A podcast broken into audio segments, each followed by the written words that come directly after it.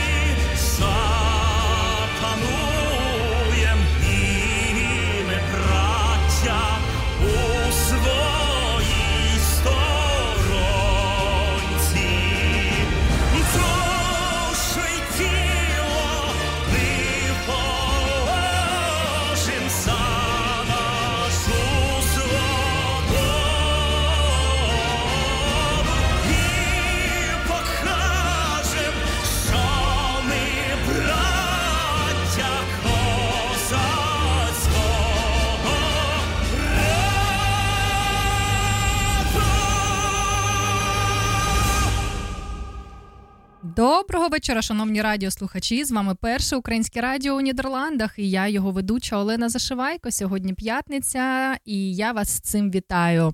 Е, бажаю всього хорошого, гарного настрою. І ми розпочинаємо наш прямий етер. Тож долучайтеся до прослуховування, пишіть свій фідбек і ставте вподобайки, тому що наш інформаційний інстаграм-канал також є і відеотрансляцією з психологом і з нашими гостями. Тож долучайтеся до прослуховування і до перегляду, і е, підтримуйте нас, тому що для нас це дуже важливо. Сьогодні, 12 травня, в Україні і світі святкують Міжнародний день медичних сестер, і ця професія з'явилася значно раніше, ніж отримала свою сучасну назву. В період Київської Русі за хворими й немічними доглядали здебільшого послушниці в монастирях. Проте вже в X столітті княгиня Ольга відкрила першу лікарню, в якій саме жінки доглядали за пацієнтами. В Європі обов'язки медичної сестри теж були суто жіночою справою, але цей стереотип змінила відома британка Флоренс Найтінгел, яка народилася в доволі заможній родині саме 12 травня 1820 року. Тому подія святкується 12 травня. І також сьогодні, 12 травня, Міжнародний день поширення інформації про хронічні імунологічні та неврологічні захворювання. До речі, на минулому етері з нашою психологинею ми розповідали про психосоматику, і напевне сьогодні ми також про це поговоримо. Тим, тим паче, сьогодні е, міжнародний день саме цих хвороб. До них, зокрема, належать синдроми хронічної втоми, фіброміалгія та дуже багато інших. Дату події обрали на честь дня народження Флоренс Найтінгел, яка була сестрою милосердя і мала таке захворювання. Започаткували її у 1992 році, а символом обрали стрічку блакитного кольору. Ось така інформація, такі сьогодні свята. І Якщо ви маєте знайомих е, медсестер або медбратів, обов'язково привітайте з цим днем, тому що люди, які мають цю професію, вони допомагають кожного дня е, всім е, хворим і рятують життя. Ця професія дуже важлива. І давайте вшануємо всіх, хто е, приділив своє життя допомоги, допомозі іншим. І також, любі друзі, ми кожного етера нагадуємо, що війна в Україні триває, і Україні потрібна підтримка і допомога наших е, партнерів і всіх небайдужих. Цитуємо слова президента Володимира Зеленського: ми ніколи не забудемо кожного і кожну, хто бореться за Україну, хто віддав за неї своє життя. І наша пам'ять це не все, що в нас є. Наша незалежність, яку ми збережемо і передамо нашим дітям і онукам, наша перемога, яка обов'язково буде, стануть найкращим ушануванням пам'яті всіх, хто загинув у цій війні. Давайте згадаємо всіх, хто поклав своє життя за свободу, незалежність та суверенітет України. Давайте вшануємо кожного українця, хто боронить нашу країну у цій війні наступною піснею.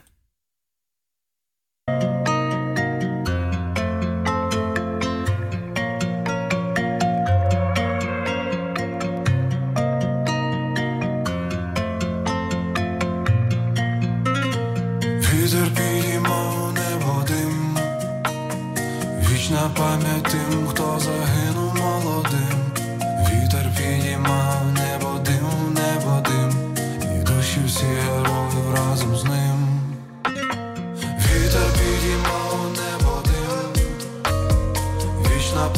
тим, хто загинув молодим, вітер підіймав небо дим, небо дим.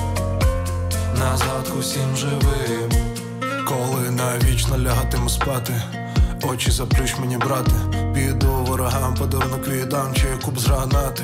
Моя мати не плач, Бог не палач, м'яч забере, як закінчиться матч, а поки що так зі смертю в такт, доки не згорить їх останній танк, така наша доля. Серед мінного поля карбується правда, і слава, і сила, і воля. Горе ніби ціле море, але будемо стояти поміцні, як гори. Як же я радий, що маю кому це сказати.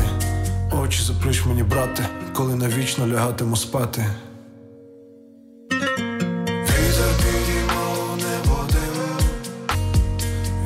Тим, хто загинув молодим. Вітер підіймав небо дим, небо дим, і душі всі героїв разом з ним. Вітер підіймав небо дим, вічна пам'ять тим, хто загинув молодим. Вітер підіймав небо дим, небо дим, на згадку всім живим. Вітер підіймав небо дим, вічна пам'ять тим, хто загинув молодим. Вітер підіймав небо дим, небо дим, і душі всі героїв разом з ним. Вітер підіймав небо дим, вічна пам'ять тим, хто загинув молодим. Вітер підіймав на к усім живим.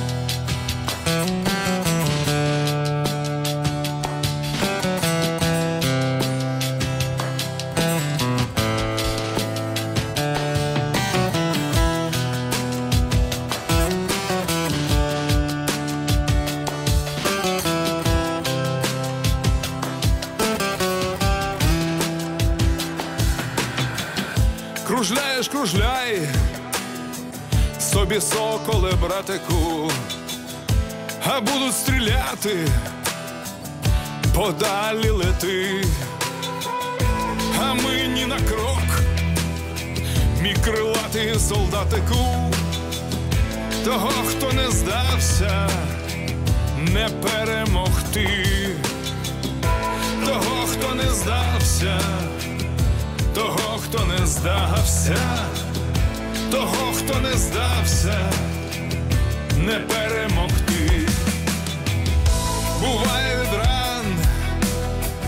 так нестерпно і боляче, і хочеться вмерти, Всевишній прости, та тільки героїв вшановують стоячи.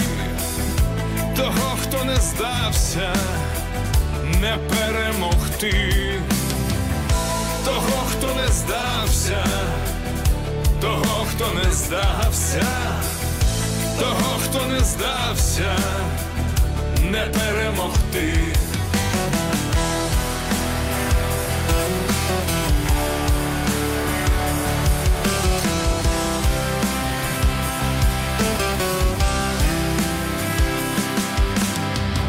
Кружляєш, кружляй, сизокрилий розвіднику, побачиш чужинців, кричи, як завжди, бо смерть ворогам, смерть рашистським негідникам, того, хто не здався, не перемогти, того, хто не здався того, хто не здався, того, хто не здався, не перемогти.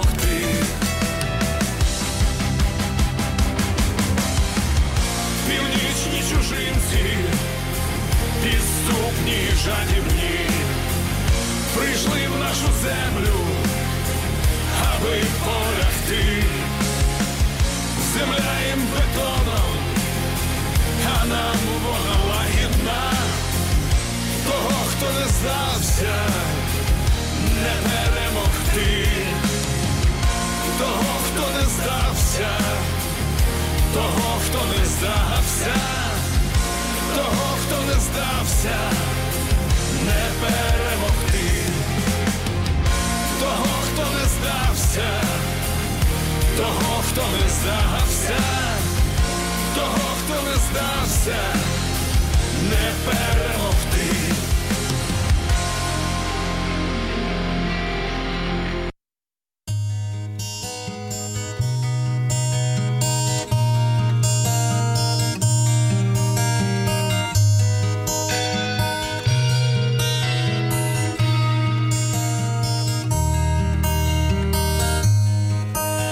Йдемо по одній прямій, лютий ворог збиває з ніг.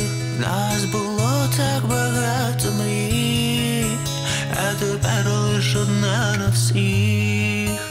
Кажуть, віра вгамує біль, та не змити водою гріх, не зцілити і ран моїх, не загоєних. Разом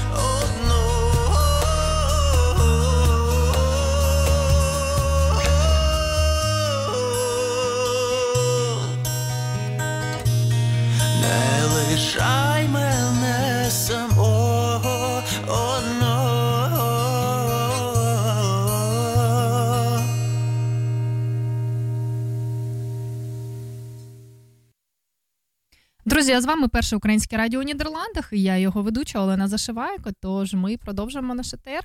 Е, ця, Цей тиждень був дуже насичений на події. Хочу поділитися власним досвідом. Вже вчора відбувся е, концерт.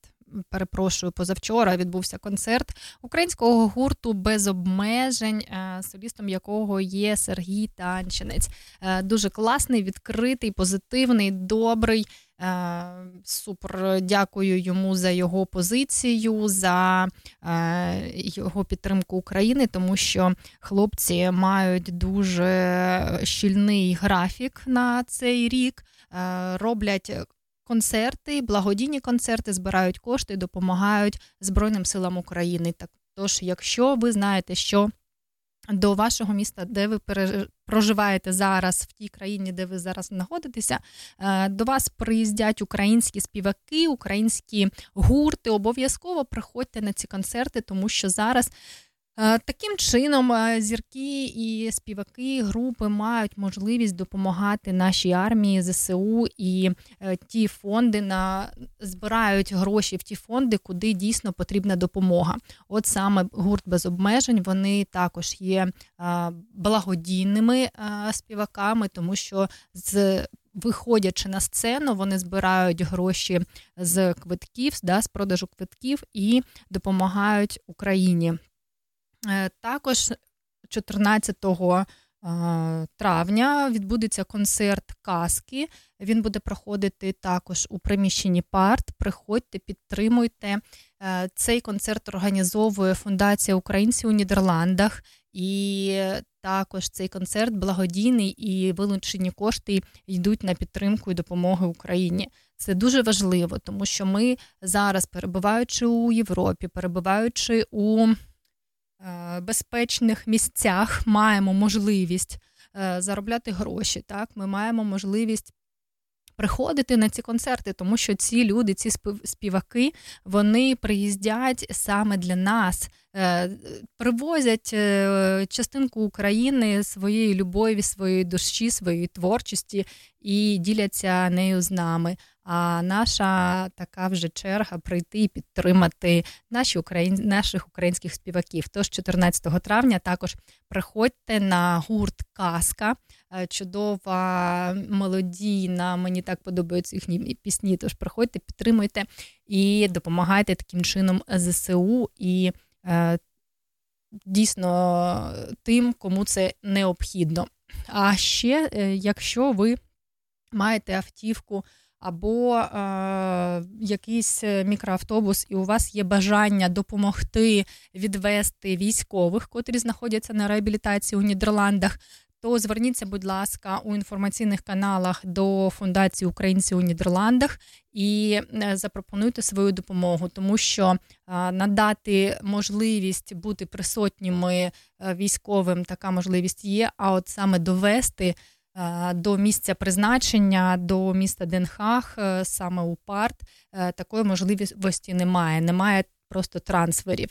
Якщо у вас є свій автомобіль або автобус, і ви бажаєте допомогти, бажаєте відвести військових на цей концерт, то, будь ласка, не проходьте осторонь, тому що це дійсно важливо.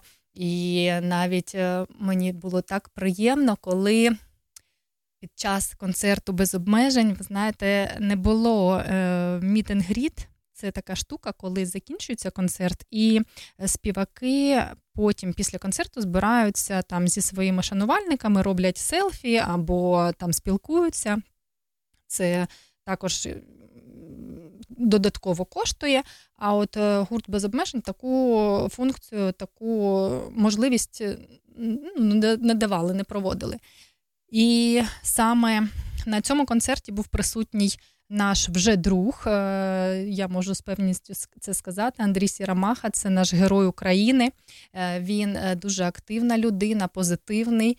Він завжди підтримує всі проекти, котрі можуть допомогти Україні, і це дуже важливо. І мені дуже сподобалося, що співаки вийшли і провели зустріч індивідуальну зустріч з нашим Андрієм. І Андрій розповів про свою історію е, взагалі свого перебування у Збройних силах України. Це надихає, це дає повштовх групам і співакам, виконавцям продовжувати свою роботу. Це дає енергію і розуміння, що вони роблять все правильно, тому що підтримка нашої країни, підтримка е, ЗСУ фінансово вона дуже важлива. Тож не забуваємо, чого ми всі знаходимося в Європі, так хто у яких країнах зараз перебуває, або якщо е, люди, ті, хто залишилися в Україні, також виходьте, приїздіть на концерти, тому що це е, відволікає від е, будь-яких думок, це допомагає розслабитися. А саме найголовніше це допомагає нашій армії. Тож місія, яку несуть наші а, культурні діячі, можу так вже сказати, вона дуже важлива. Давайте підтримувати і знаходити час, щоб бути присутніми на цих концертах. Це дуже важливо.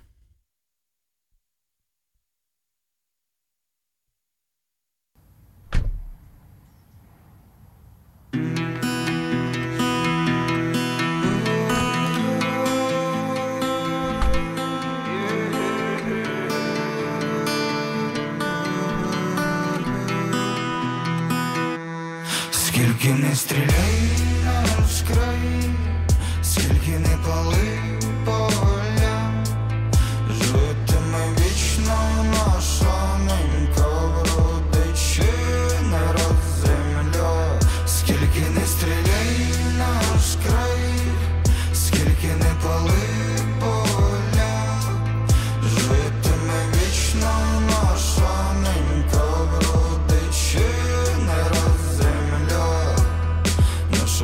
батьківщина б'ється гордо, ми не впахав морду. Наша батьківщина за свободу перегризе горло. Наша батьківщина тільки наша, не віддам ні за що. Наша батьківщина б'ється завше, збережи її отче наше. Мінька наша рідна, ти потерпиш. Наші січові стрільці, добре ворога січ. Око за око наші хлопці точно пики натовч. Збройні сили України не дадуть задуть свіч. Скільки не стріляй наш край, скільки не пали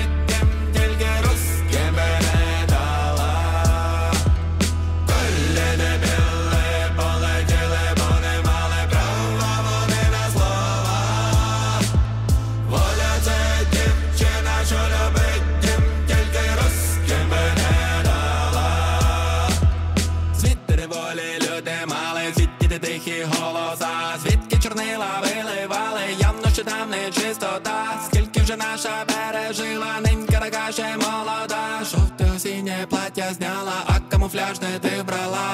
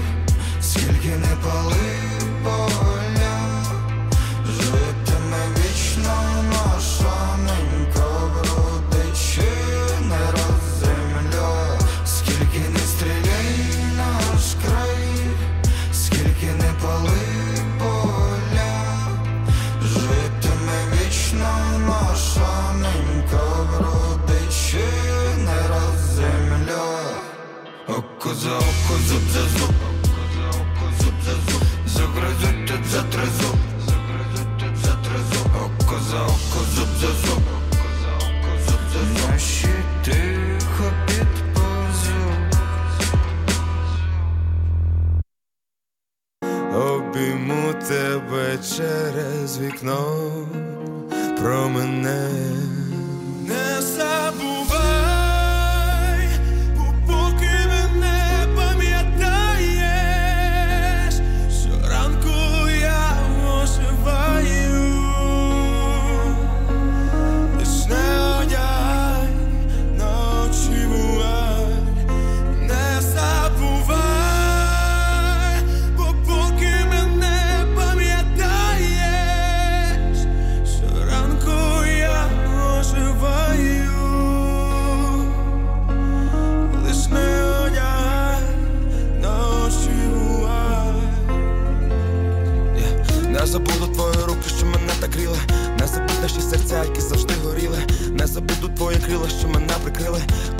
тебе, бо, мабуть, притомилась. Не забуду рідні ноти твого голосу. Перефарбую в біле чорну полосу, бо навіть будучи на іншому полюсі, я люблю тебе, бо ти не така як всі.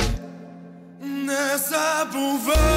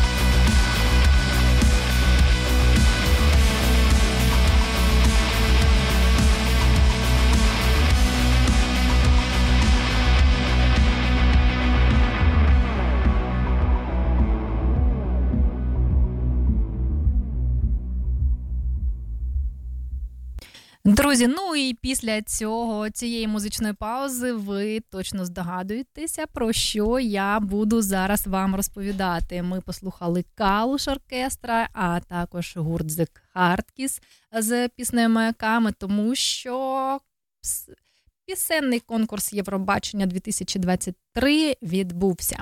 І 67-й по рахунку пісенний конкурс, який відбувся у Ліверпулі, Великій Британії, після того як Україна, яка перемогла на конкурсі в 2022 році з піснею Стефанія гурту Калуш Оркестра, не могла задовольнити вимоги щодо проведення конкурсу через безпекові побоювання, спричинені російським вторгненням в Україну. Велика Британія прийняла конкурс у дев'яте. Востаннє це відбувалося у 1998 році.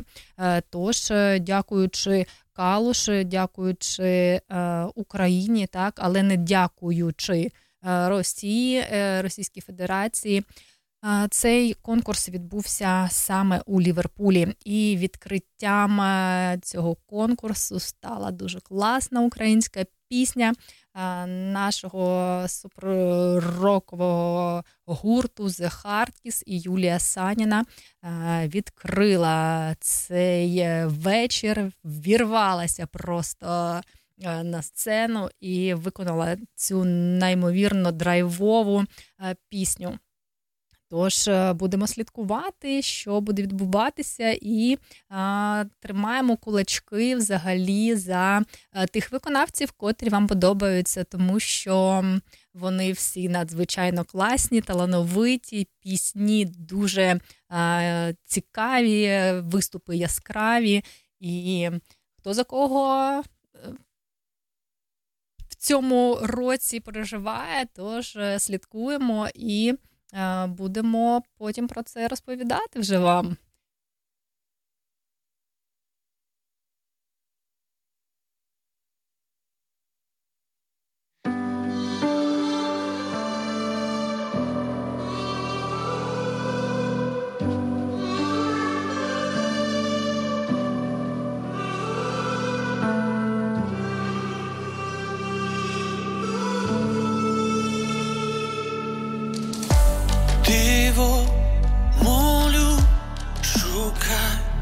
Зорю тримай мене, міцно за руку тримай. Спитай, скажу, як я люблю, літай, літай, літай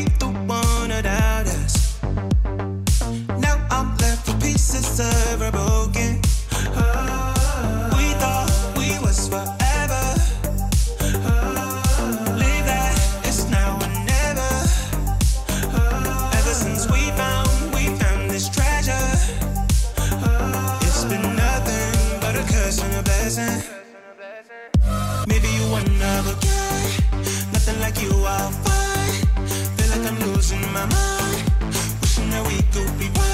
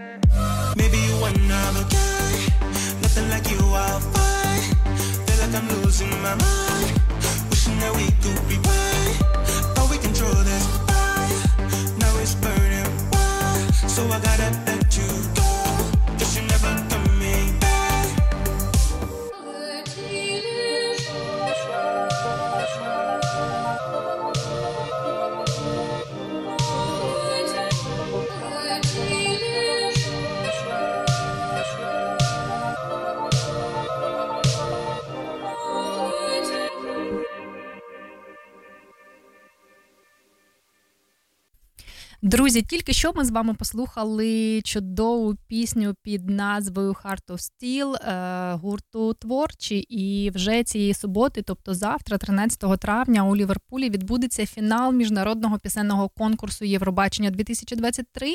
І нашу країну на заході буде представляти гурт творчі з саме з цією піснею.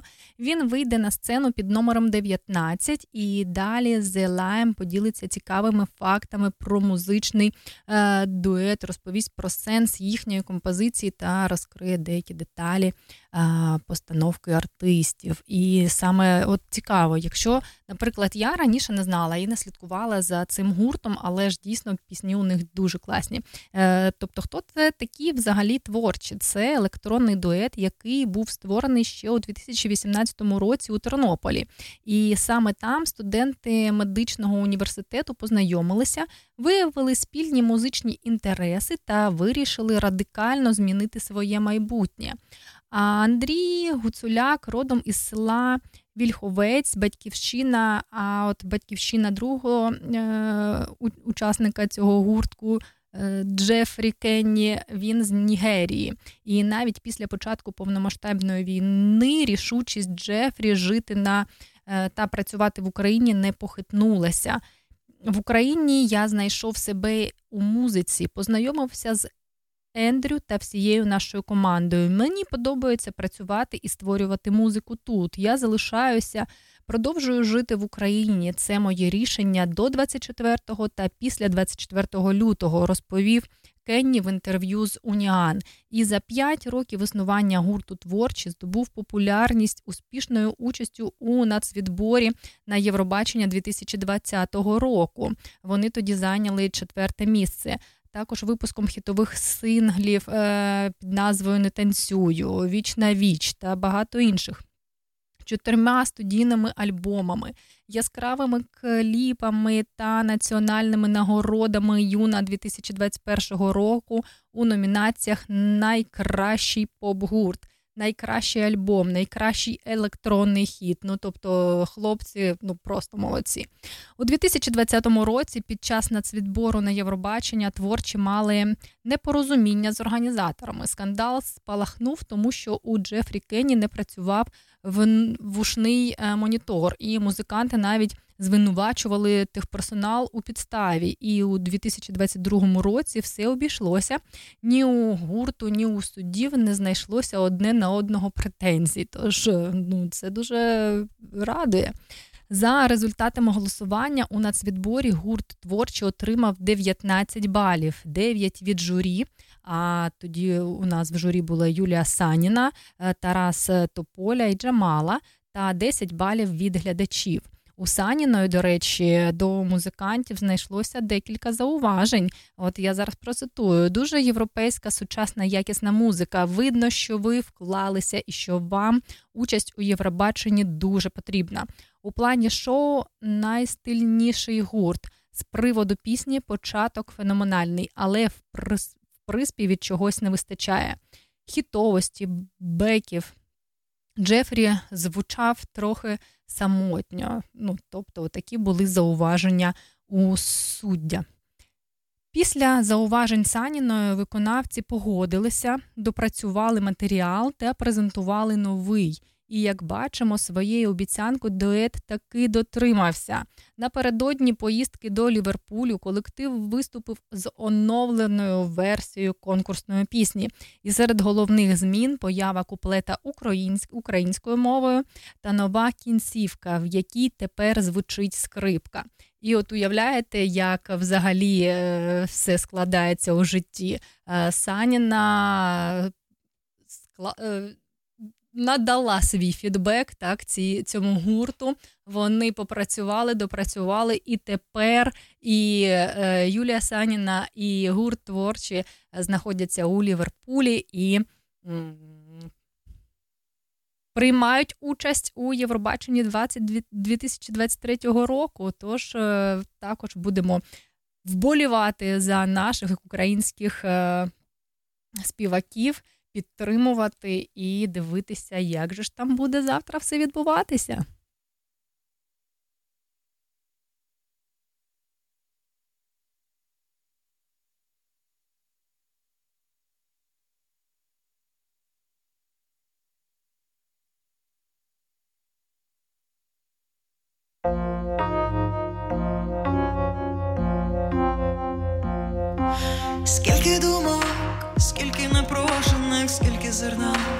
Та не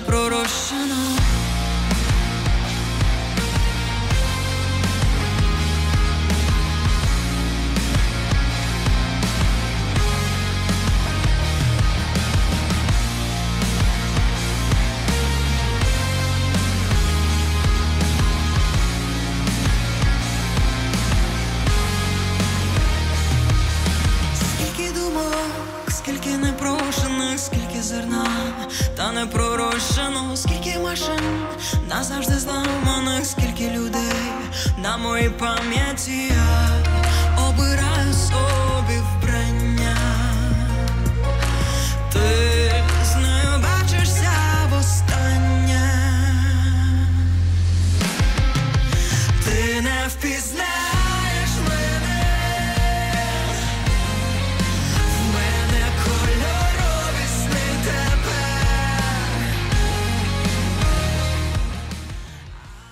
Друзі, і до речі, хоча текст пісні Heart of Steel далекий від складних сенсів, творчі хотіли зробити його життєстверджуючим. За словами музикантів, це пісня про людей, які стикаються та йдуть уперед, е, стикаються з важкими ситуаціями, але не плачуть, а посміхаються та йдуть уперед. От саме таким Андрій та Дженніфер бачать сьогоднішніх українців, а найбільше їх надихнули захисники Азовсталі. І також піснею Heart of Steel творчі хотіли показати, якою різною, січастою та несподіваною може бути наша українська музика. Тож так.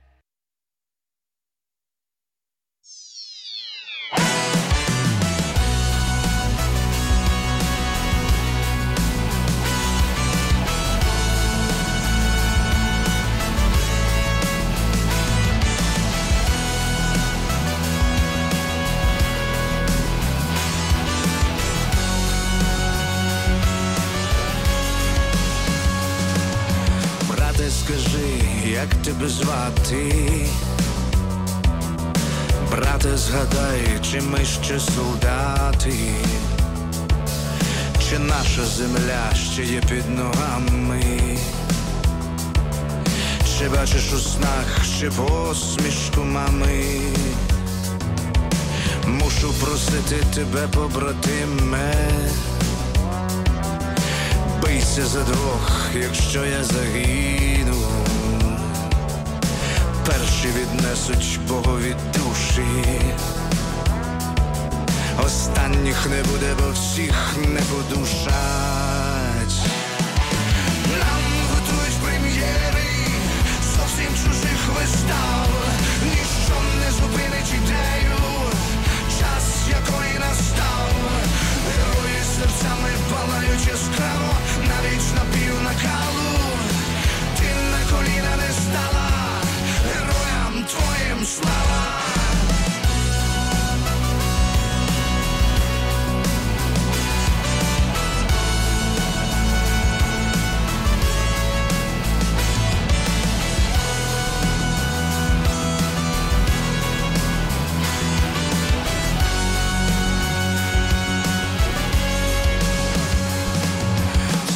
Брати, не майте страху.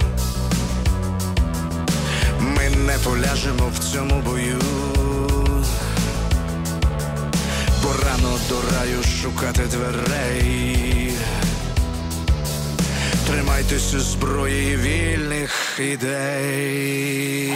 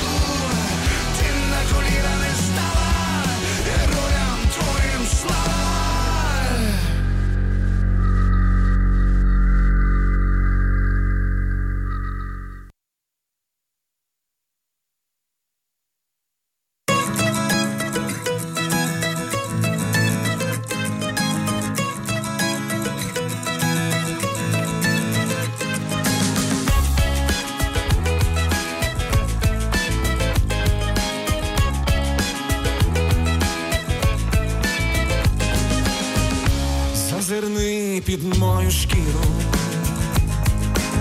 там ціле небо журавлі,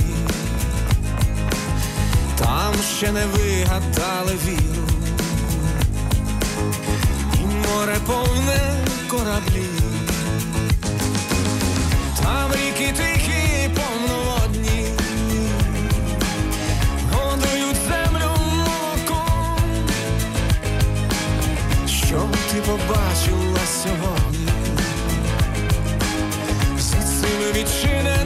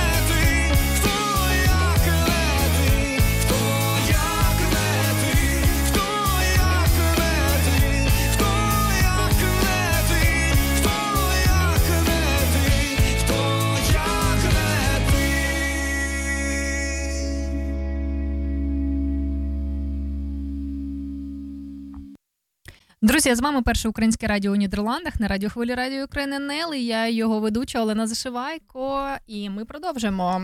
Європейський союз планує прокласти інтернет-кабель через Чорне море, щоб покращити зв'язок із Грузією та зменшити залежність від комунікаційної інфраструктури, що проходить через Росію. І е, прокладання 1100 кілометрів кабелю коштуватиме 45 мільйонів євро. І ви знаєте, він з'єднає країни ЄС із Кавказом. Це має зменшити залежність від наземного оптоволоконного зв'язку, що проходить через Росію. ЄС та Грузія ще у 2021 році погодилися, що потрібно прокласти кабель. А от повномасштабна війна в Україні ще більше дала повштовх проекту. Однак поки що невідомо, коли кабель почнуть прокладати. Ще не затверджене фінансування. Крім того, телекомунікаційна компанія Vodafone теж планує покрас- прокласти свій підводний кабель у Чорному морі. Проєкт під назвою Кардеса має з'єднати Україну і Болгарію, Туреччину та Грузію. Далі кабель, е, кабель простягнеться сушею до Вірменії, Казахстану та по Азії. Однак офіційно Vodafone не підтвердила виданню свої плани. Тобто інформація є, але офіційної ще немає. Тож чекаємо. І я думаю, що це буде дуже класна така ініціатива, ідея, тому що ми бачимо, що Україна вже не то, що там якимись малесенькими кроками, а вже такими крочищами йде до Європи і створює нові можливості. І е, дуже сподіваюся, що скоро все ж таки Україна вступить у ряди Європейського Союзу.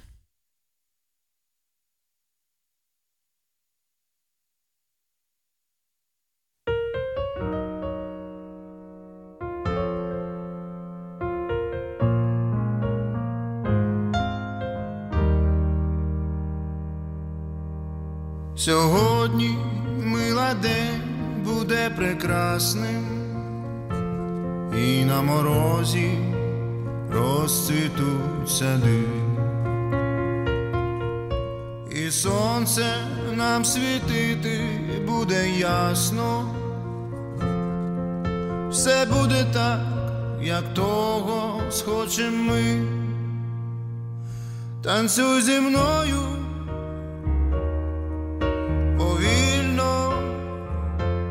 Ай зачекає світ божевільний, танцю зі мною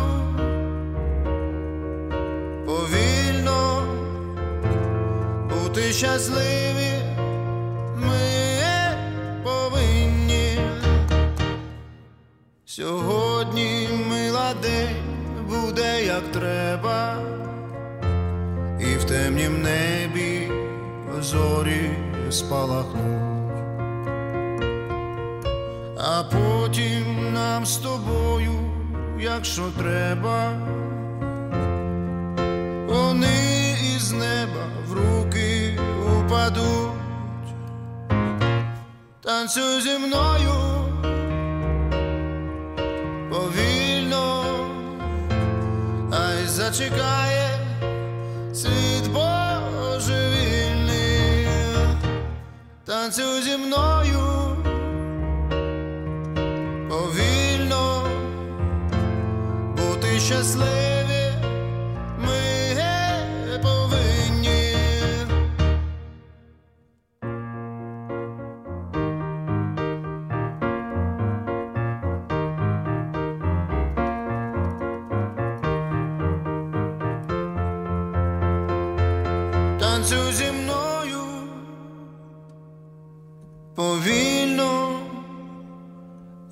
зачекає світ божевільний, танцюй зі мною.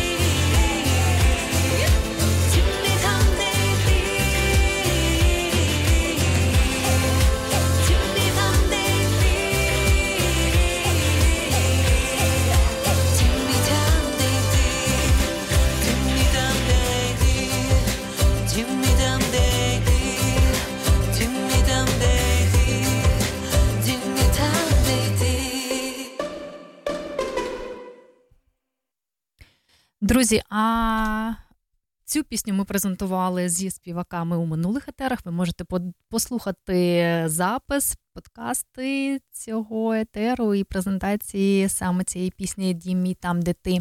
А от співачка, українська співачка Мама Ріка презентувала зворушливу пісню про матір, яка чекає на сина під назвою Сльози і пісні. І як коментує співачка саме цю пісню, скільки чоловіків відірвані від своїх сімей, захищаючи нашу країну, і скільки жінок очікують хоча б на одну звістку та не втрачають надію, що коханий живий та повернеться додому. Сльози і пісні про кожну маму, яка чекає сина, про кожну жінку, яка не втрачає надії обійняти свого чоловіка, про кожну дитину, яка мріє почути голос тата на іншому кінці слухавки. Прокоментувала прем'єру 34-річна співачка. Я пропоную вам послухати її.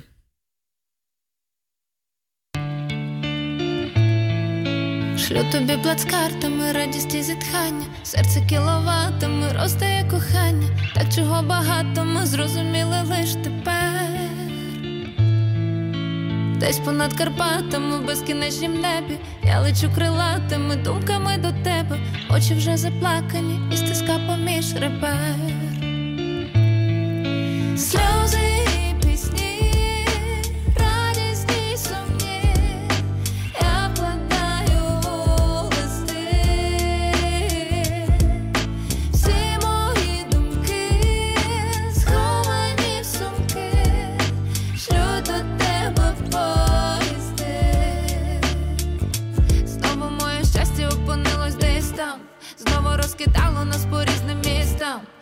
Знову зустрічаємо пусті поїзда. Я наче щедрівка, що живе без різдва. Знову накриває та не ковдрує у нас. Я не відриваючи руки, пишу листи тобі весь час, ніби світ замирає, коли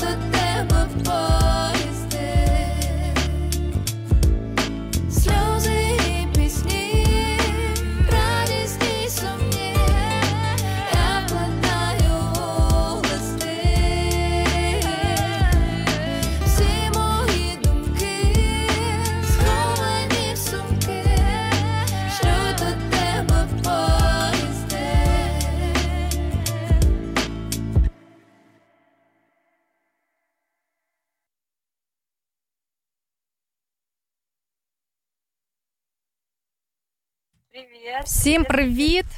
З нами на зв'язку Катерина Скарєтєва. Я тебе вітаю. Доброго вечора. Спасибо. всім добрий вечір. Я тебе чую. Добре, все клас.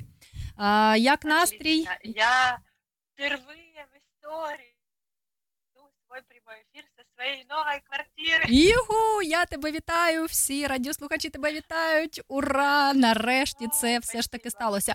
А знаєш чому? Тому що на минулому е, етері, коли ми з тобою проводили е, каву з психологом, рубрику каву з психологом, ти дала дуже класний лайфхак. І я думаю, що ти їм скористалася, коли ходила вибирати цю квартиру. Так, ти вже була впевнена і спокійна. І як нагадай, як ти сказала, не треба йти е, на якісь зустрічі, так, з відчуттям невпевненості і схвильованості, тому що твій опонент буде це відчувати на несвідомому рівні. Я думаю, що цей е, дійсно лайфхак дуже класний, тому що ми бачимо результат. Я тебе вітаю. Це дійсно дуже класна новина. Спасибо, спасибо. Могу даже экскурсию провести. Ну давай вже після етеру я там одним оком підгляжу. Да. Розкажи, К будь ласка. сожалению, Пока что нет стула. Я так постою, думаю, что хорошо видно, слышно, и это главное. Так, Е, розкажи, будь ласка, про що ми сьогодні поговоримо, і на що буде, на яку тему сьогодні буде етер? Ну, вообще у меня тема недели так вырисовалась неожиданно и держится она неожиданно прям у многих клиентов. э, э, Ну, вот как-то так спонтанно у многих клиентов одна и та же тема. Ну, вот прям не сговариваясь, да, они друг с другом не знакомы, и мы начинаем работать, и то ли это после вот этого вот затмения какого-то, то ли после чего это, я не знаю. Но все приходят с тем, что все, не хочу жертвовать, не хочу свою жизнь кому-то там э, куда-то давать. Э, Очень многие уже устали от вот этой ситуации э, в стране, что а, ну, война, надо там то-то, то-то делать. Очень многие включились, а выхлопа нету. То есть э, отдачи никакой. То есть ты вкладываешь, вкладываешь, вкладываешь, а в ответ тебе агрессия, э, претензії. Ну, тобто прийшло, прийшов час вигорання, так? Про те, що ми з тобою говорили на минулому етері. Но это не только выгорание в чистом виде, это на самом деле вот эти старые программы, которые уже давно не актуальны, потому что а, весь Советский Союз был построен на том, что надо пожертвовать собой, а, фабрики крестьянам, чи- землю крестьянам, фабрики рабочим, да, помните, большевики захватили, сделали революцию, переворот, забрали все имущество у тех, у кого получалось, отдали тем, кому не получалось, и в итоге э, организовали, расстреляли кучу людей, убили кучу людей, изгнали кучу людей, и э, получилось то, что получилось. Э, Какое-то время был Советский Союз, им надо было его организовывать, им надо было удерживать власть, им надо было укреплять эту власть, поэтому они сделали такую философию достаточно мощную с точки зрения психологии, манипуляции и тому подобное, что, ну, поскольку тебе дают все так, да, то есть забрали у богатого, отдали коммунальную квартиру сделали, да, 10, э, 10 бедных семей там живет по распределению. Мгм. Вот. И вот этот микс, он как раз давал бедным семьям возможность, то, что вот я теперь живу, у меня есть жилье, у меня есть работа, я буду работать, жертвовать собой ради вот этого режима, да. И это передается из поколения в поколение. И мы эту программу отыгрываем абсолютно неосознанно. Мы-то не осознаем, почему мы жертвуем свою жизнь своим родителям, например, да? Угу. Ну, сейчас мне скажи, там, моей маме, например, которая, у, у которой со своей мамой не очень отношения, ее мама пожертвовала свою жизнь, э, там, часть Советскому Союзу, часть Украине, в итоге сидит э, с коммуналкой 3 тысячи и пенсия 2 тысячи, да? Откуда ты будешь тысячу брать, чтобы это все хотя бы в ноль вывести, никого не интересует. И это все, оно же э, отражается на отношениях. То есть Мгм. это раздражение ты государству предъявить эти претензии не можешь. Ну, дивись, е, я так розумію, що у сучасному світі люди вже зрозуміли, що не обов'язково працювати там е, тяжко, так і можна по-іншому якось заробляти гроші і виходити там і онлайн, і а, дуже багато зараз навіть е, діти зар- вміють заробляти гроші. Коли це було, наприклад, у радянські часи, такого взагалі не можна було робити, і е, таких можливостей не було. можно. Так, не мог не було у таких радянських можливостей, часів ти можна. розумієш? А зараз світ змінюється. І, А, і тим- можливості, можливості були, і змінюють. можна було. так, але ж А. тоді не можна було, тому що ну ти, ти не міг вийти Ні, ні, з тої це вже квартири і в все. независимой Україні не можна було. А в радянські часи как раз это не только можно было, а это была обязаловка. Дети зарабатывали деньги, небольшие, маленькие, но были стройотряды для школьников. Ездили они на поля. На картоху, да, я, я таке чула. Да. Е, Ну, в я це не застала, я ще молода. Не-не, это было. То есть Хочешь ты, не хочешь ты, но ты должен ехать в эти стройотряды. А, у моей мамы были гектары. Моя бабушка брала гектары. Эти гектары они пололи буряки вручную. Двое детей, несовершеннолетних, 13 и 15 лет. С утра от зари до зари пололи эти буряки на гектарах. У каждого было 4 гектара. 4 гектара это очень много. Вот, и э, за это давали мешок э, там э, сахара или два мешка сахара, или три мешка сахара. Потом э, с этого сахара делали самогон, его продавали и активировали. Ну, Плюс там тобто така сахара залежність. Залежність постійна від е, держави, і постійно ти себе е, загоняєш у якийсь кут без е, грошей і без можливості стати якось краще, да? жити якось краще. Тобто, а зараз е, з чим приходять до тебе твої е, клієнти? Я не скажу пацієнти, давай будемо казати клієнти. Люди. У мене нема пацієнтів, я не лікар. Ось клієнти. клієнти. Так. А, і Ну, е, люди розуміють, що в них одне життя.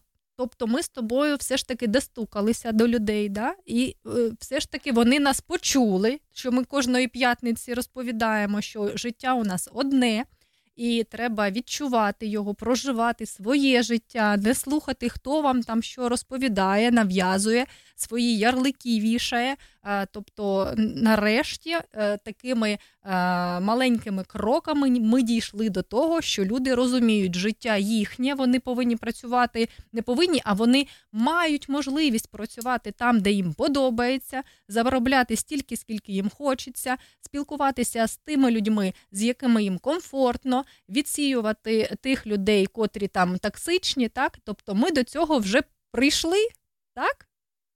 Некоторые из нас Ну вже, ну вже, вже хтось все ж таки до цього прийшов. Ура! Ну це дуже класна новина. І я хочу, щоб цих людей становилося все більше, все більше більше, більше і більше. Е, Ті, хто мають свій внутрішній ресурс і можуть на себе е, покластися, як ти кажеш, опереться, так, і давати свою, ділитися своєю енергією позитивною з оточуючими і дарувати свою любов цьому світові. Ты понимаешь, дело в том, что психология – это такая штука, которая все равно первична. Э, Чем бы ты ни занимался, что бы ты ни делал, внутри этого есть психология, потому что внутри этого есть ты, А тобой управляет твое бессознательное. И это бессознательное, оно принимает решение, как ты будешь действовать, еще до того, как ты это осознал. И многие вот эти программы, они неосознанно действуют, они неосознанно работают. Ну, вот ты выбираешь мужика себе, да, ты выбираешь его, ты думаешь, вот, он там будет любить, он будет то, все, пятое, десятое, а он садится играет, ты ему рожаешь ребенка, он садится играть в танчики, ему, в принципе, по барабану, что там, какие у тебя интересы, чего тебе хочется или не хочется, понимаешь? Но ты-то выбрала этого мужика. Ну, ты его сама выбрала, никто тебе не подсунул. Это Мгм. не сто лет назад, как... Ну, тобто, э, ці люди, котрі е, бувають в таких ситуаціях, да, м, в- в- вони з ними будуть проходити е, по колу, правильно? Поки вони не знімуть цю програму, чи як це працює? Обычно да, обычно да. То есть есть люди, которые достаточно мощные внутри, и э, им достаточно самостоятельно увидеть, что это я выбрал, э, где моя ошибка, проанализировать это все и э, выбрать себе другого. Но, как правило, у там, 95% людей не получается это самостоятельно, не хватает ключа, ключ нужен, а доступа нет, потому что ты находишься внутри этой ситуации, и увидеть ее снаружи без посторонней помощи невозможно. И ты, когда начинаешь э, работать со специалистом, э, этот специалист подсвечивает такие моменты, на которые бы ты никогда не обратил внимания. Вот сегодня мне девочка ответила, э, я написала, кем вы жертвуете, да, в комментариях. Она мне ответила, я даже сама не знала, что я жертвовала э, своей жизнью своим родителям. Мгм. А это вот эта программа, да, что я жертвую жизнью как родителя для во имя детей, а вы мне теперь должны мою жизнь. Они отдают не твою тебе жизнь, а свою уже, потому что твоя жизнь уже ты сама ее пожертвовала, никто тебе ее вернуть не может. Тогда получается замкнутый круг. Они жертвуют свою жизнь тебе, а ты уже пожертвовал свою жизнь им, и э, у вас, у, э, и, и у родителей, и у тебя возникают дефициты. которые Дефіцити, а потім претензії один до одного, так е, виявляються е, конфлікти. Ти знаєш, е, я не буду казати про кого зараз. Ну тобто, я мала також розмову так з людиною, е, котра з- е, опинилася в такій ситуації, коли а, через певні обставини інші люди якось так це все зробили і е, вирішили, що вона повинна вирішити за них їхні е, проблеми, ну, їхню задачу. Я ж то вже з тобою поспілкувалася. Ми з тобою каву з психологом проводили на цю тему, і, до речі, я її вімкнула, і вона зовсім потім по-іншому вийшла від мене. Ти знаєш? І вона каже: Слухай, в мене такі проблеми, такі проблеми. Кажу, що сталося з тобою? І вона починає мені розповідати свою історію. А я так послухала, послухала, слухай, а кажу: а чого це твої проблеми? Ну, не можна е, чужі е, ситуації надягати на себе і вирішувати за когось. Тобто про те, що, про що ми з тобою розповідали. Тобто, якщо людина у е, позиції жертви, так, їй так це вигідно, і е, вона хоче, там, щоб за неї все вирішували. Я кажу, ти зараз один раз е, вирішиш цю проблему, потім другий, третій, п'ятий, ти готова на це? Вона каже, ні. Я кажу, ну тоді ви домовляєтеся ось тут, на цій е, точці, тому що далі ти будеш ще більш затягнута оці відносини батька і як там, да, батько-дитина, жертва, насильник і тому подібне. Е, якщо наші радіослухачі не розуміють, про що ми зараз розповідаємо, то ви можете послухати наш подкаст. Ми буквально декілька днів назад з Катериною записували і у інстаграмі є цей запис. Дуже корисна інформація. Обов'язково зайдіть, послухайте, тому що якщо ви відчуваєте, що вами маніпулюють, то це обов'язково треба зайти і послухати. Ну дуже корисно. Да, потому что на самом деле, когда даже вы прослушиваете какую-то информацию, и она вам подходит, а, то вы какую-то часть надеваете на себя, и вы думаете, а что так можно было? Да, ну вот, когда вы не слышите этого примера, ситуации, еще что-то, вы находитесь внутри вашей ситуации. А когда вы слышите какую-то информацию, вы разделяете э, вашу ситуацию от ну, вообще вас конкретно от той ситуации, вы начинаете это как будто со стороны смотреть, да, и даже если вы находитесь внутри, все равно вам удается посмотреть на какие-то другие стороны, с других каких-то точек, да, и то, что мы с тобой делаем, мы как раз даем людям возможность обратить внимание на то, что может быть и по-другому. И ваш выбор сегодня зависит от того, как будет завтра. Так же само или как-то по-другому. Э, очень многие люди сталкиваются с таким страхом изменений. Вот у нас даже есть работа э, сохранения изменения, да, если человек, если мы работаем с человеком в терапии, и получается такая ситуация, что вот э, начались какие-то быстрые изменения, быстрые, быстрые, быстрые, и у человека такой вау вау, класс, вообще терапия, я что, я раньше не пошел, супер, надо еще, еще, еще. И тогда вот эти ожидания, а, э, ну, туда вкачивают много энергии. И это начинается обратная ситуация. Твои защитные механизмы включаются, когда ты туда сильно много ожидаешь, а, ты как будто ставишь какую-то иллюзию. И это ограничивающая такая ну, это не совсем ограничивающее убеждение, но такая ограничивающая штука. И тогда получается, что э, включается этот страх изменений. Но он включается на самом деле для того, чтобы его проработали, да. Но он не то, что вот я проснулся и думаю, вот у меня сегодня, наверное, страх изменений. Нет, это так не работает. Это я не хочу идти к терапевту, или я не хочу смотреть на эту проблему или я, например, не хочу работать с проблемами с мужем, потому что, скорее всего, мне придется принять какое-то решение, а это решение я принимать не хочу. Да? По какой а ще знаєш що? Ще дуже у багатьох людей е, є така думка про те, а що люди скажуть. І от я саме також це почула. А що люди скажуть? Ну я ж буду виглядати якоюсь поганою там чи поганим. І мені сразу так знаєш, стало нас. І я так зрозуміла, про себе, для себе, що е, певний час мені, ну, може, я не я точно не, не можу сказати скільки, але саме для мене мені стало так все одно, що скажуть люди, і від цього так класно і легко жити. Свобода. Свобо... Так, так, ти вільний, ти робиш те, що тобі хочеться. Ти живеш так, як тобі хочеться. Тобі хочеться допомагати армії, наприклад. Да? Ти робиш це, і тобі все одно, що люди скажуть. Тобі хочеться піти на концерт, пострибати, поспівати. Ти йдеш, робиш це, і тобі гарно. Ти хочеш піти попити каву, ти йдеш, п'єш каву. Тобі хочеться поплакати, посидіти, ти сидиш, плачеш, тобі хочеться посміятися, ти сидиш, смієшся. Це нормально, це твоє життя. І тобі, ну от саме мені, так, мені все одно, що скажуть люди. Просто е, я зовсім е, вчора почула думку, а що скажуть люди? Кажу, а тобі ну, яка різниця від цих людей? Що ці люди для тебе є у житті? Це рідні люди, близькі. Ну, Що що з цими людьми робити? І ти знаєш, е, мені дуже хочеться, щоб ну, я не буду казати всі, да?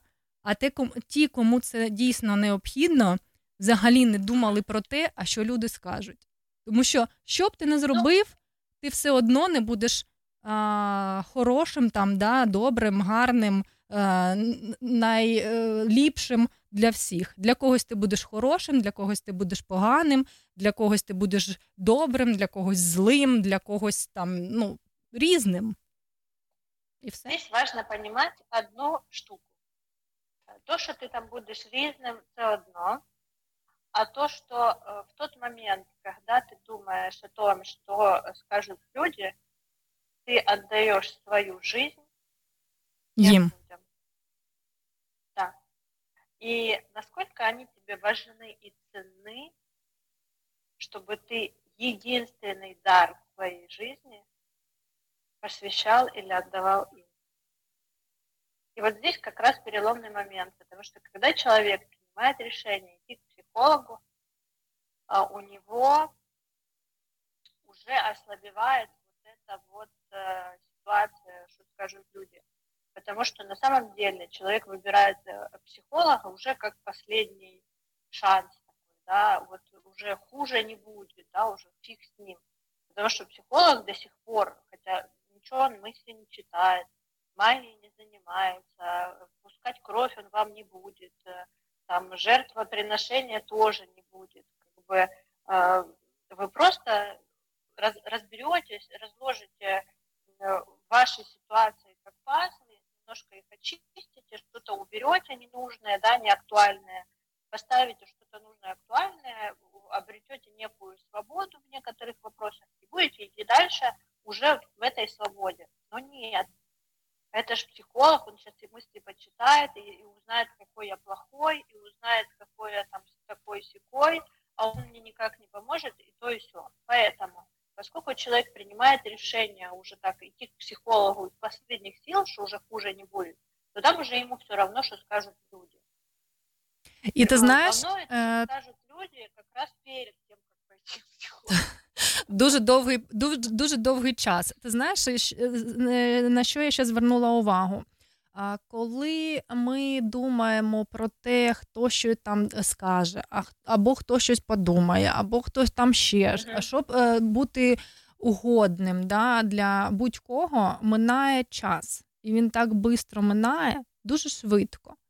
Сьогодні день народження. До речі, я хочу привітати одну свою знайому. Вона дуже класна жіночка.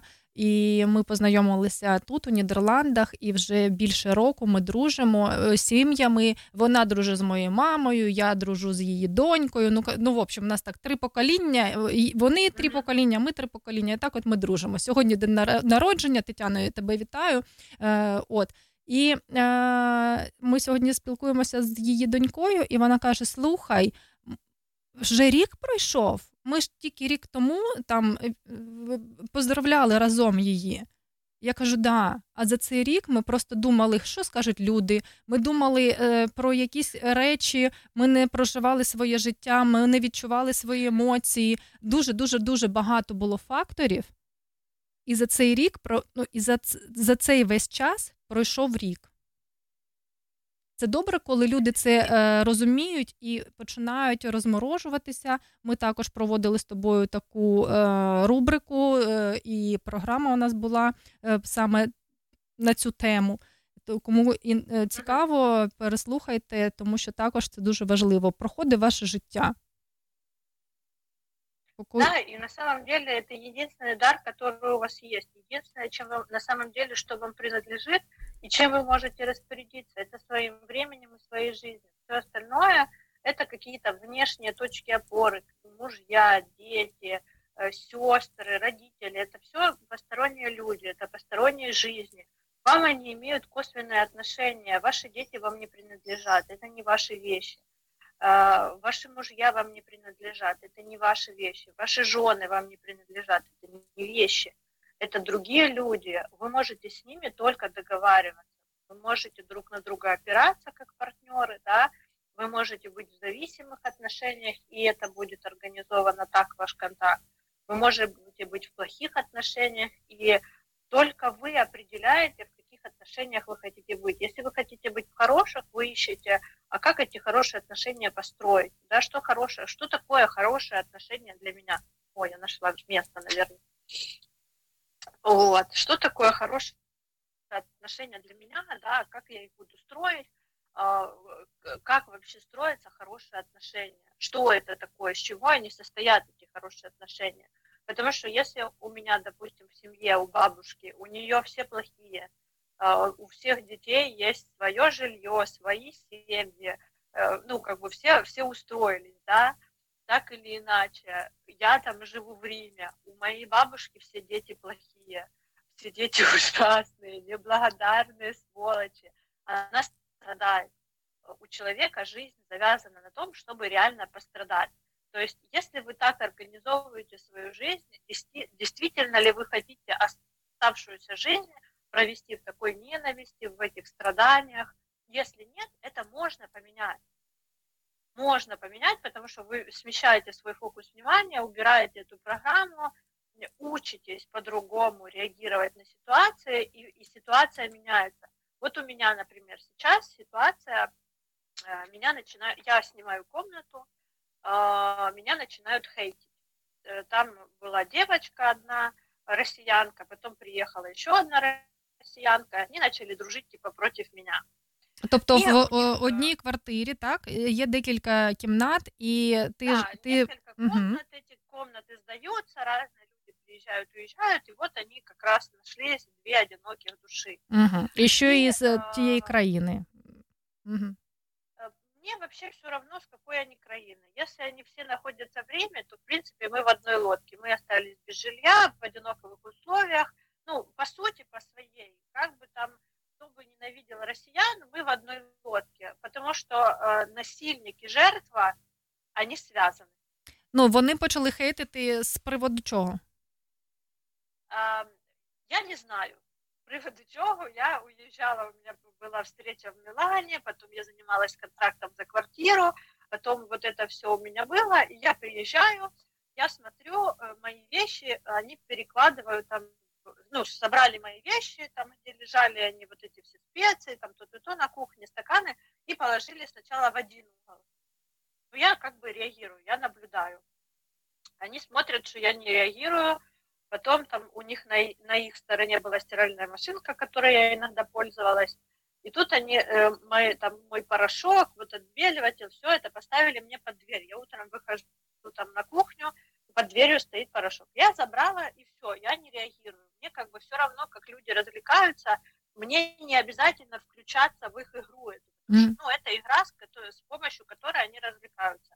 То есть это такая вот сначала спровоцировать, потом ты начинаешь как будто защищаться, знаешь, потому что они, ну, вроде бы как нападают, да, вроде бы ничего не делают, а вроде бы как и нападают. И ты вроде так начинаешь защищаться, они потом начинают нападать еще больше, а их двое, и начинается такой замес. Ну, э, они тогда подкачивают в тебя энергию, как вампирята такие, и ты такой без энергии, ты в борьбе в этой, уже э, у тебя замыленный глаз, получается, и ты не можешь нормально работать, нормально как-то взаимодействовать, еще что.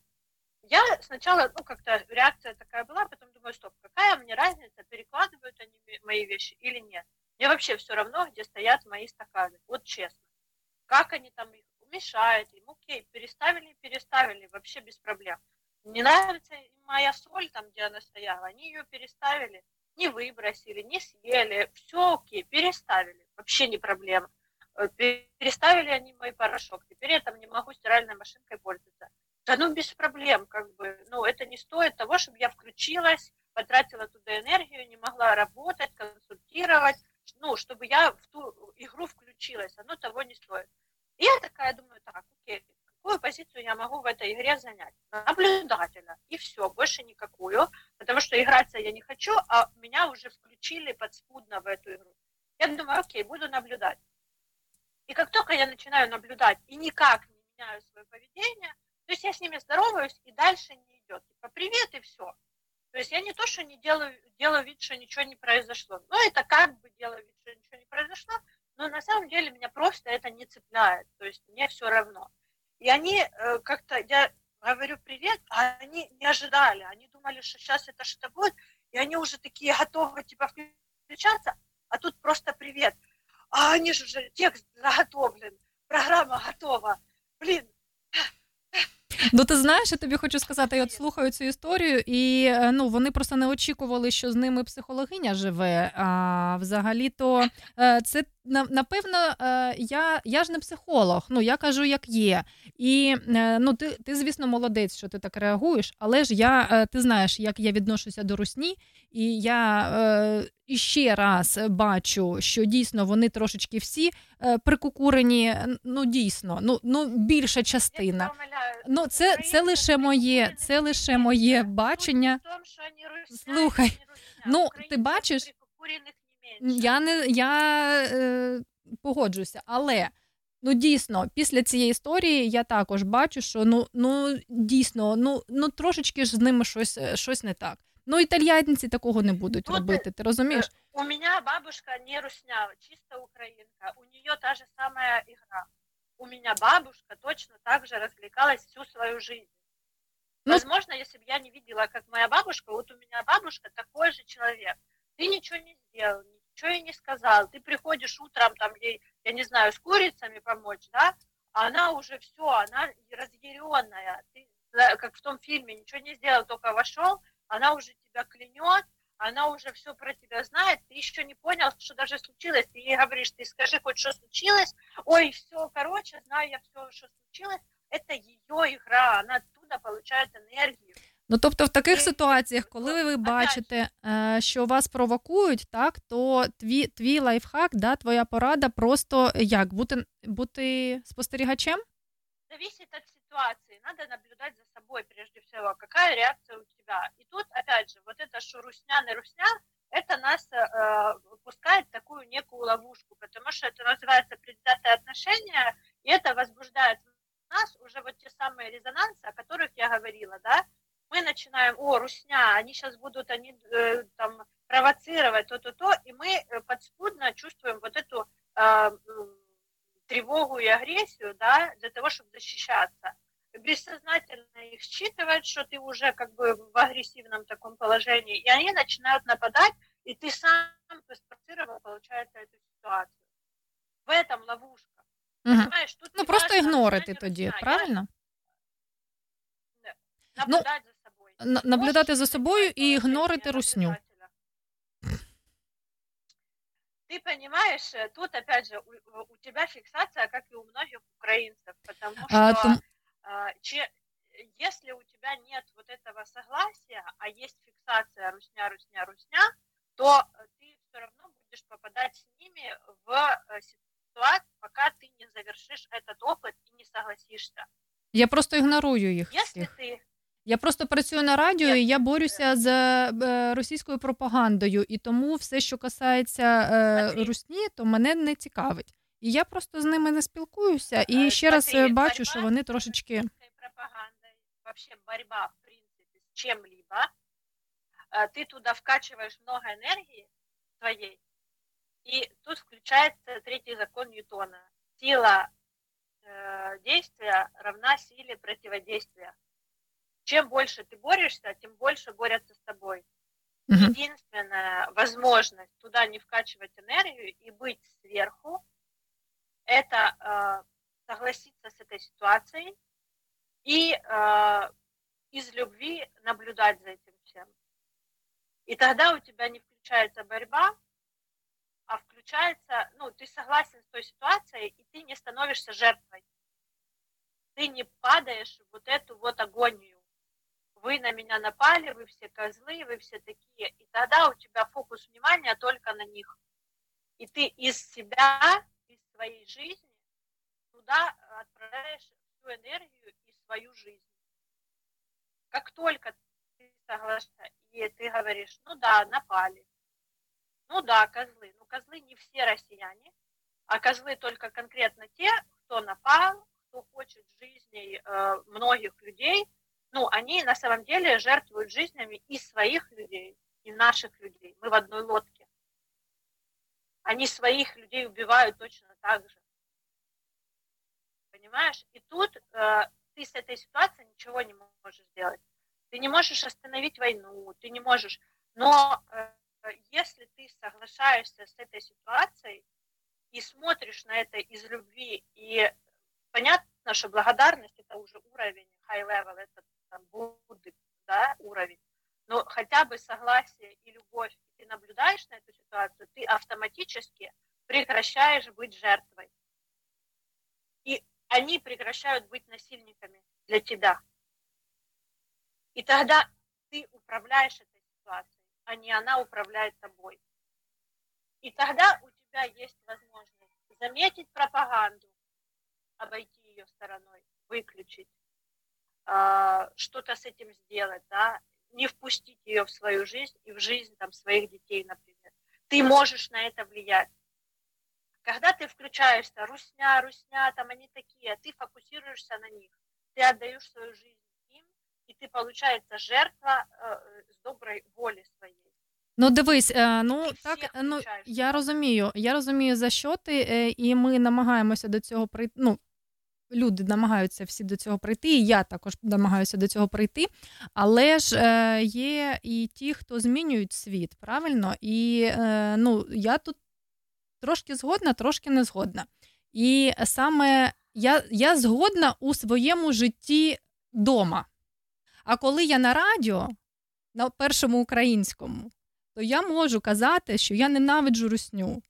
І е, нехай вони всі про це Ні, знають. Ти можеш відомо, тут суть не в тому. Тут ти можеш казати де угодно. Но чим більше ти говориш, що ти ненавидиш русню, тем больше ты даешь им возможность быть насильниками и сама своими руками делаешь себя жертвой. Все.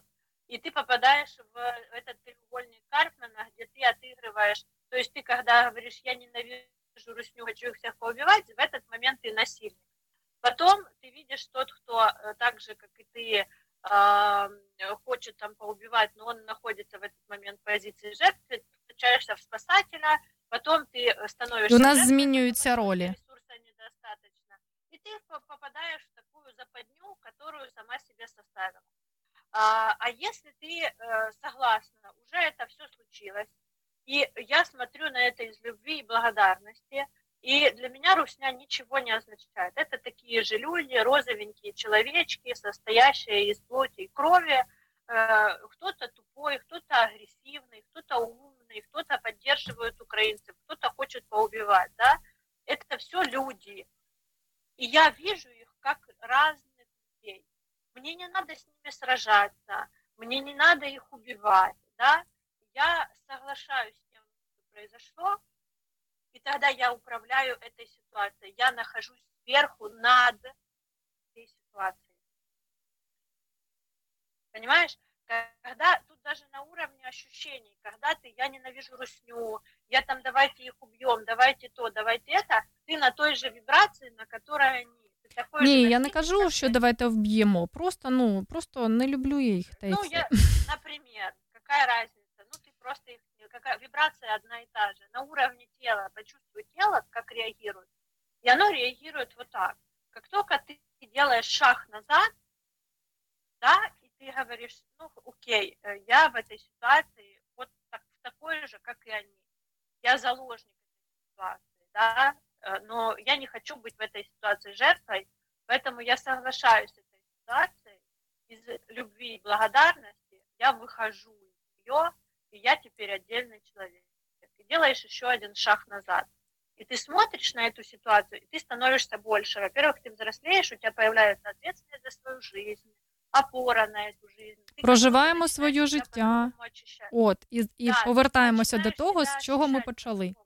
Дійсно. Да, Починаємо відчувати свої емоції, своє життя, е, розуміти, що час минає, і життя наше минає, а ми свій час куди вливаємо у ненависть до інших людей. Правильно? От з чого ми ць- Э, зараз да, і почали. потому что И здесь как раз ситуация, вот чисто физически, если ты сделаешь два шага назад и проговоришь вот эти слова, кто, кто нас будет смотреть, попробуйте сделать два шага назад, вы почувствуете, как ваше тело с каждым шагом расслабляется. Если ваше тело расслабилось, и вы растете, у вас появляется другая опора на себя. И здесь как раз вам не надо быть жертвой. Ой, я бедный, несчастный, на меня тут напали, ай-яй-яй. Нет, ты уже все, ты хозяин своей жизни. Тебе не надо защищаться и не надо ни на кого нападать. Ты не организуешь в своей жизни ситуацию, чтобы на тебя нападали.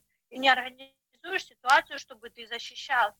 Ну, как эти девочки, посмотри, они организовывают ситуацию, чтобы от них защищались и чтобы они могли нападать. Ну как так. только я не включаюсь в эту ситуацию, они надуваются, а вы, выплеснуть это им некуда. І они вони довольны знайдуть нову своим таку вот этого. е, сусідку, н- котра поведеться на їхню провокацію. Ну, от стопудов. Ну, знайдуть же ж. Сто, сто Э, процентів. Никто не знает. Э, Если, допустим, я бы включилась в эту ситуацию, я бы э, вошла с ними в эту игру на таких же правах, как и они. Они бы сначала были насильниками, потом я была бы насильником, потом я жертвой, потом я спасателем. То есть я бы вот эти роли отыгрывала вместе с ними по очереди, потому что насильники, жертва, они объединены. Ну, как бы не было там то, что вот э, э, насильник это плохо, жертва это хорошо. И то, и то плохо. И, и насильники, и жертва, они одинаково травмированы, просто по-разному.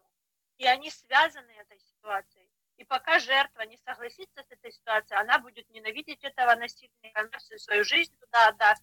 И вот эти все суицидные штуки, это как раз жертвуя своей жизнью э, этому насильнику, не справляются с этой, с этой ситуацией. А если, э, если в любой ситуации, как мы уже говорили в прошлом эфире, да, используй сложности, используй сложные ситуации. Вот как э, там психолог э, очередная, которую я смотрю, начинается там типа вот, там какую-то девушку преследует ее бывший там парень, давайте мы все объединимся против него, тра-та-та. Я э, в свое время, когда у меня был такой парень, который за мной э, ну, э, следовал, следил, преследовал, унижал, пытался как-то, я уехала в Европу и организовала свою жизнь там. Там он за мной не добрался. И если бы не он, я бы реально свою жизнь не, не поехала бы путешествовать, не видела бы 40 стран в этом мире, да, в 20 лет, вот, не организовала бы бизнес в Европе себе, не организовала бы свою жизнь так, что у меня в 30 лет две квартиры, дом и У машина. мене також є понимаешь? подружка, Только котра благодаря виїхала у Європу, з- до речі, в Італію також через е, дурнуватого чоловіка. Так що, дівчата, іноді Ну, дурнуваті чоловіки вони е, дають вам повштовх Конечно. для того, щоб розвивати своє життя. это І огромный трамплин. так, це також Да, цей и досвід, не який только треба ты пережити. І я тобі знаєш, що хочу сказати. У нас вже е, час підходить до завершення. Дивись, ми з тобою сьогодні у такому живому діалозі показали людям у прямому етері дійсно оці такі емоційні е, руханки, так і е, до чого це може призвести. І от поки ви будете вестися на всю цю пропаганду, на всі ці маніпуляції, когось ненавидіти, когось там е, на когось ображатися, то ви просто будете втрачати час. Не робіть цього, проживайте своє життя, свої емоції, будьте на позитиві, е, даруйте любов у цей е, світ. І дійсно, Катюш, дякую тобі за експертність і за твої знання, тому що е, на цьому прикладі, на прикладі русні і на прикладі твоїх сусідок, ми також нашим радіослухачам показали, як не треба робити, як треба робити, не реагувати, і як не треба робити, коли я включаюся у цю русню. Ну так, все класно. Да, а если у вас не реагировать не получается, тогда обращайтесь к психологу, и у вас обязательно все получится. На сегодня мы с вами прощаемся. Не забывайте лайкать, репостить и э, писать комментарии. Это нас очень поддержит, потому что, правда, э, очень сложно в пространство просто просто говорить. Нам очень важен контакт с вами и понимать, что мы делаем что-то нужное, важное для вас. Поэтому ждем ваши лайки комментарии и до следующей пятницы. Дякую тобі, Катюш. Ну, прям сьогодні живий живий такий у нас етер вийшов. Клас, дякую. Вот что делает квартира животворящая. Вау, супер позитивна енергія, без, без всякої русні. Ти бачиш, це все працює. Я також також. Я, я також вже також трошечки психолог. Ага, окей. Все, Давай, пока. я тебе люблю, цілую, обіймаю, гарних вихідних і насолоджуюся своєю новою оселею. Бувай.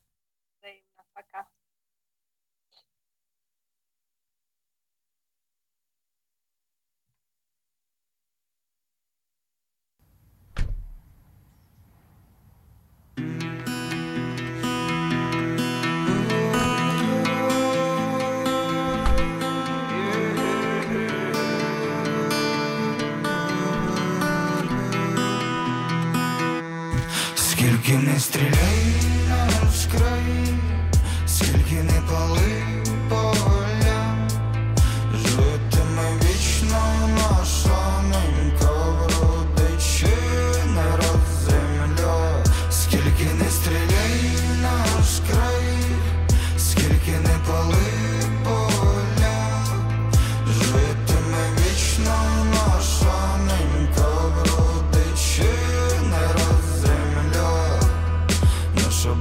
батьківщина б'ється гордо, ми не впахав морду. Наша батьківщина за свободу перегризе горло. Наша батьківщина тільки наша, не віддам ні за що. Наша батьківщина б'ється завше, збережи її, отче наша. Мінка наша рідна, ти потерпиш.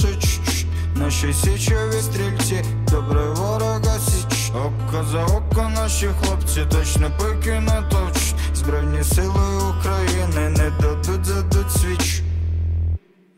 Скільки не стріляй на наш край, скільки не пали поля,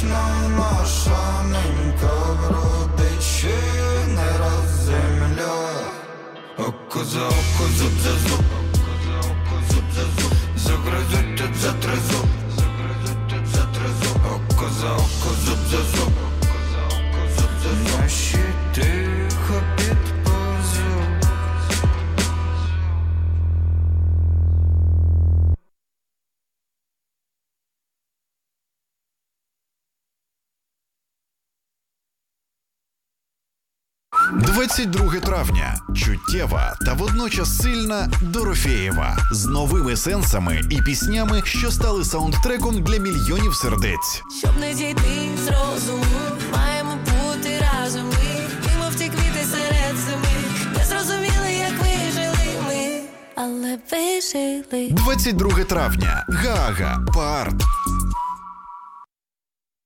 Друзі, я нагадую, що у нас на першому українському радіо у Нідерландах триває розіграш квитків на концерт Надії Дерефеєвої, котрий відбудеться 22 травня. Тож заходьте до нашого інстаграму і приймайте участь. І вже 19 травня ми у прямому етері проведемо розіграш і дізнаємося ім'я двох переможців.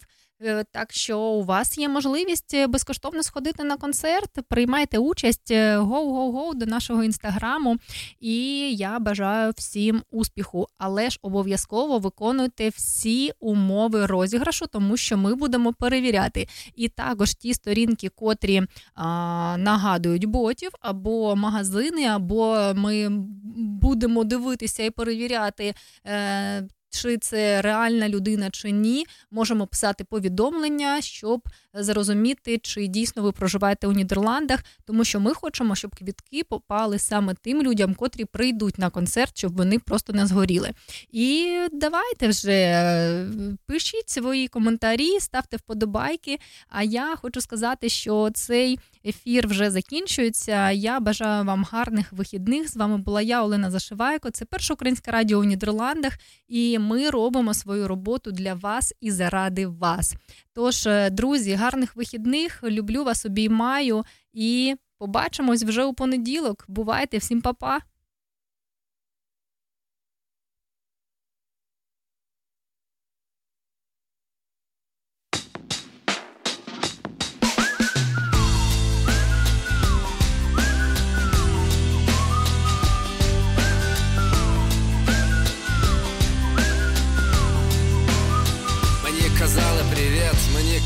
Здравствуй, давай до свидання. Казали мені, і все це було нормально, все це було не страшно, якби це було у Пітері або у Москві. Але такими словами мене зустрічає столиця жовто-блакитної країни, що чекає на транш. Вона чомусь не розуміє моєї мови, коли я кажу привіт. Мене питають, ти з Львова? Ти з Львова? Ні, я з України, це напроти Європи. Це там, де Хрещатик, це там, де Дніпро. Ні, я з України, проти вас я не проти. Але мені треба знати, хто тут хто. Так, я з України. Так, я з України.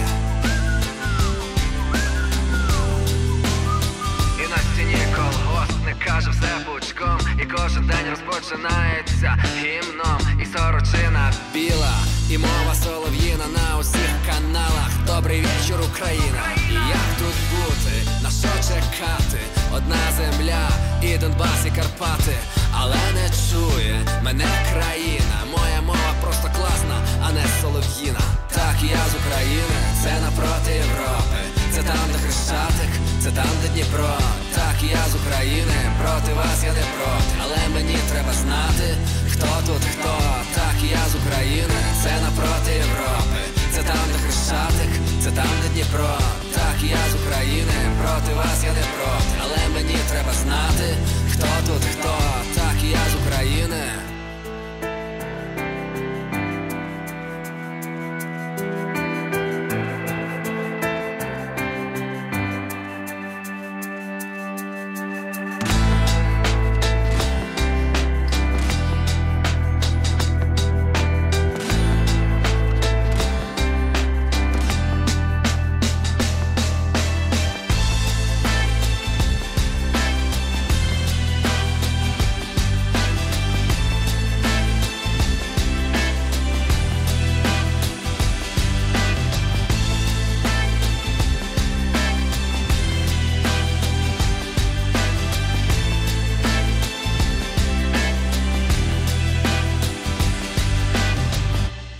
З України, це напроти Європи. Це там, де Хрещатик, це там, де Дніпро. Так, я з України, проти вас я не проти. Але мені треба знати, хто Хто тут хто? Так, я з України, це напроти Європи. Це там, де Хрещатик, це там, де Дніпро. Так, я з України, проти вас я не проти. Але мені треба знати, хто тут хто. Так, я з України.